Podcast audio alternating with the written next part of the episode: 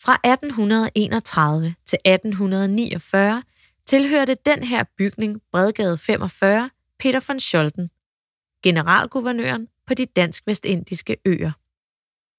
Her boede hans kone og døtre, mens von Scholten selv boede i Dansk Vestindien og kun var her, når han engang imellem var hjemme i Danmark. Som generalguvernør er Peter von Scholten kongens stedfortræder i Dansk Vestindien og har altså stor magt på øerne. Von Scholtens kone Anna vælger at tage hjem fra øerne og bo i København med deres døtre, og imens bor von Scholten på et stort landsted på St. Kreuz med sin elskerinde, som også hedder Anna, og hvis mormor var slave. Peter von Scholten er ligesom Ernst Schimmelmann inspireret af oplysningstidens tanker om, at alle er født lige, og han mener, at der er behov for at forbedre vilkårene for slaverne på øerne. Han indfører flere reformer og opretter blandt andet skoler for slavebørnene, gør arbejdsdagene kortere og nedsætter straffene for slaverne. Men det er en vanskelig tid at være generalguvernør på. Fra starten af 1800-tallet begynder sukkerpriserne at falde, og plantagerne har dårlig høst. Samtidig er sukkerroen kommet til Danmark, og man begynder altså at kunne lave sukker, uden at skulle hele vejen til Dansk Vestindien, og uden risiko for, at skibe, sømænd og sukker går tabt, hvis skibet går ned på rejsen. En undtagelse fra de hårde tider er dog på St. Thomas i havnebyen Charlotte Amalie, hvor det står godt til. Byen er et handelsmæssigt centrum i Karibien og har i 1830 op mod 11.000 indbyggere. Det vil faktisk sige, at det er den næststørste by i Danmark lige efter København.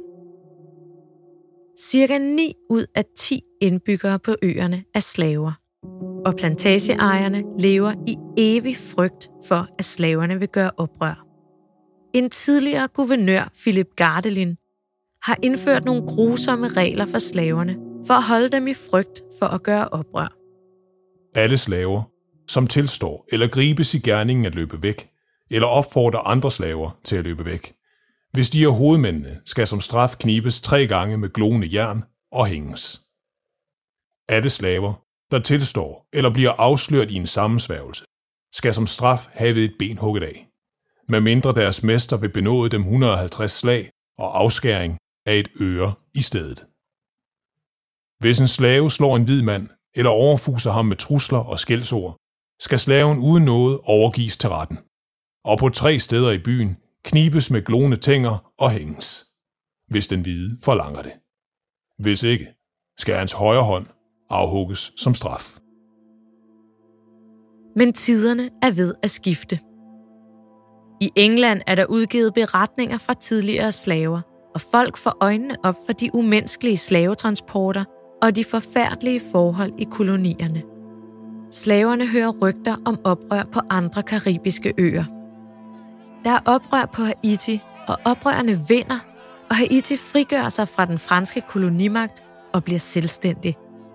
Oprøret skaber frygt blandt plantageejerne på de danske øer, og det bliver også dækket i de danske aviser hjemme i Danmark. Men for slaverne skaber oprørerne håb. I 1834 afskaffer England slaveriet helt. I Danmark er der delte meninger. Nogle er imod slaveriet, og andre går ind for slaveriet, da loven om slaveri ligger inden for ejendomsretten. Det betyder, at slaverne er plantageejernes ejendom, købt og betalt for, ligesom en hest eller et hus, og derfor kan man ikke bare sætte dem fri. Men presset på Danmark stiger. Kong Christian den 8. ved godt, at slaveriet er ved at nå sin ende. Men han er også bange for, at det bliver en dyr affære, hvis alle plantageejerne skal have erstatning for deres slaver. Han skriver derfor direkte til von Scholten, at han skal vente med at sætte slaverne fri så længe som muligt. Først i 1847 13 år efter England har afskaffet slaveriet, har kongen endelig besluttet sig for, hvordan han vil gøre. Han skriver en befaling, hvor han siger, at alle børn af slaver fra nu af skal være frie. Men at dem, som nu er slaver, først bliver frie om 12 år. Som du nok kan forestille dig, er slaverne ikke tilfredse. Mange er bange for, at de ikke vil leve længe nok til at opleve at blive frie.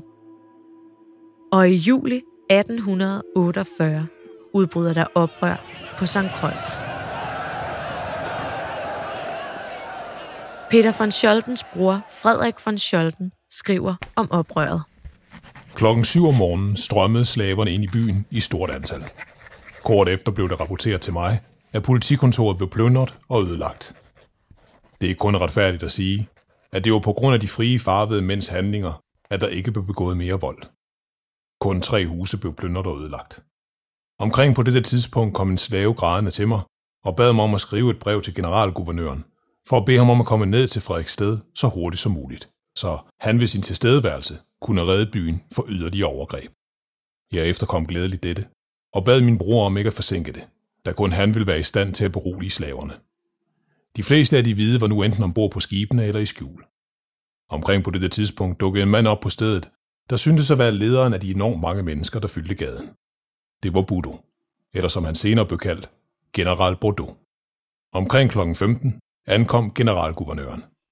Generalen trådte ud nær fortet, gik ind blandt folkemængden og erklærede slaverne for frie. Peter von Scholten føler, at han er nødt til at ophæve slaveriet for at undgå kaos, selvom han ikke har fået kongens tilladelse til det.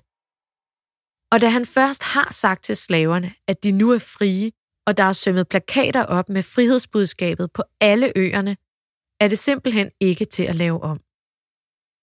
Mens de nu frie slaver jubler, så er von Scholten knap så populær blandt plantageejerne og hjemme i Danmark. I den danske avis Fædrelandet skriver en udenrigsjournalist om slaveriets ophævelse. Med uddelt beklagelse ser jeg tilbage på de sidste begivenheder. Det eneste lyspunkt, som jeg formår at finde, det er Scholtens fjernelse fra styret. Vreden mod von Scholten i Danmark og det store pres, han har været under på øerne, får ham til at bryde sammen. Han opgiver stillingen som generalguvernør og forlader Dansk Vestindien som en knækket mand. I 1851 bliver Peter von Scholten stillet for en domstol i Danmark og dømt for at have udvist modvilje mod at slå oprøret ned militært. Året efter bliver han dog frikendt af højesteret og rejser til Tyskland, hvor han dør to år senere. Og med slaveriets ophævelse går vi tilbage til ankeret ved Nyhavn, hvor vi startede, og hører den sidste del af historien. Hvad sker der nu med øerne? Og hvordan er vores forhold til kolonihistorien og slaveriet i dag? Vi ses ved ankeret i Nyhavn.